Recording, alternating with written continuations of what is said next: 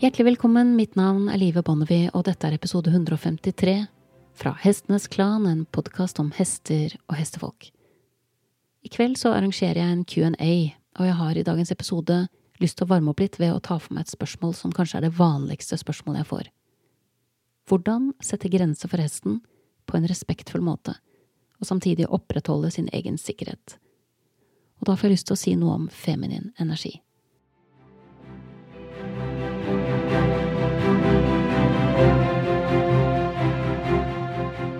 For mer respektfull så mener man ofte at man har hestens beste i tankene, og prøver å agere på hestens premisser, og gjerne at man tar bort smerte og ubehag, som er noe hesten for all del vet hva er, men som den anstrenger seg veldig for å unngå.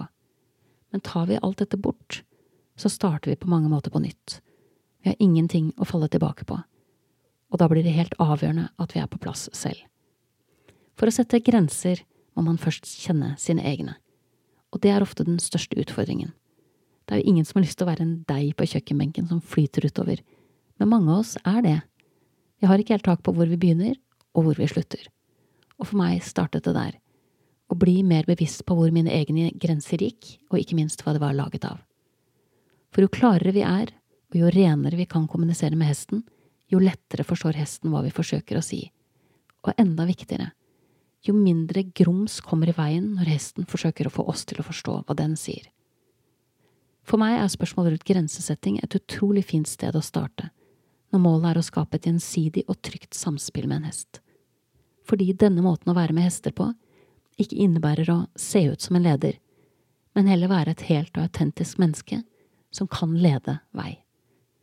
Men veien fram dit har vært lang, for den neste utfordringen var kanskje vel så viktig og det var at mange av de mannlige trenerne jeg gikk på kurs med, de snakket et språk med hestene som ikke var naturlig for meg å snakke selv. Jeg lærte for all del bra ting av mange av dem. Det var blant annet på et kurs med Klaus Ferdinand Hempfling jeg ble bevisst på hvor viktig det er å være autentisk til stede og på plass i min egen kropp i møte med hestene. Jeg syns fortsatt at Klaus presenterte det på en veldig interessant måte, og jeg tror jeg har nevnt det tidligere. Han sa at hvis vi ikke er autentiske, så ser hesten mer enn én versjon av oss, som to eller flere negativer som ligger over hverandre, så bildet av hvem vi er blir utflytende og konturene våre blir uklare. Så det å få tak i seg selv og sin egen kjerne har vært helt essensielt for meg. Men som nevnt, å lære av folk som møter hestene med en annen energi, en maskulin energi, det ble krevende. Hemfling var for eksempel opptatt av det han kalte dominans, som på mange måter er et litt pussig ordvalg, all den tid han ikke er i konkurranse med hestene om ressurser. Men uansett, den energien han kalte dominans, den fungerte for ham, i den forstand at han fikk veldig interessante resultater. Men han har aldri fungert for meg. Jeg kjenner ikke meg selv igjen i en som skal dominere hesten. Jeg er mer interessert i relasjon og samarbeid. Og jeg har ikke vært redd for å ta tiden til hjelp, og godt er det. For det tok meg noen år å innse hvorfor min feminine energi ikke var kompatibel med denne måten å være med hester på. For det har vært en betydelig utfordring i hele min karriere med hester, at jeg ikke har følt noen gjenklang i resonnementene rundt at hesten må flytte så mye på, hause så mye opp eller kontrollere så mye i forbindelse med trening og ridning. Så veldig mange av trenerne jeg har jobbet med, har rett og slett snakket et helt annet språk enn det jeg oppfatter som mitt språk. Å kopiere mannlige trenere har derfor ikke opplevd det som naturlig for meg. Jeg er et annet sted, snakker et annet språk, og ser og føler hesten på en annen måte. Og skal jeg være autentisk, så må jeg være der jeg er, og så må jeg lete og utvikle meg derfra. Så jeg har vært igjennom en lang fase for å få tak på meg selv som hestemenneske og hestekvinne. Og dette med grenser og dette med å være autentisk ble to viktige nøkler. Og det som er veldig fascinerende med å jobbe i dette området, det er at det man lærer av hestene når man møter dem på denne måten, det er direkte overførbart til alle andre nivåer i livet.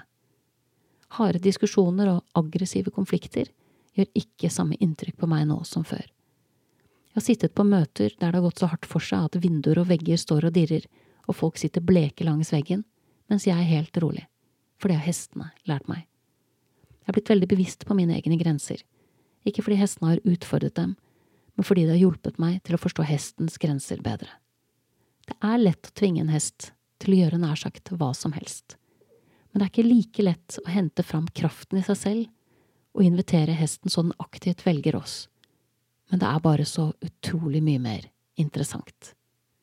Du har nettopp hørt episode 153 og siste episode av sesong syv fra Hestenes Klan, en podkast om hester og hestefolk.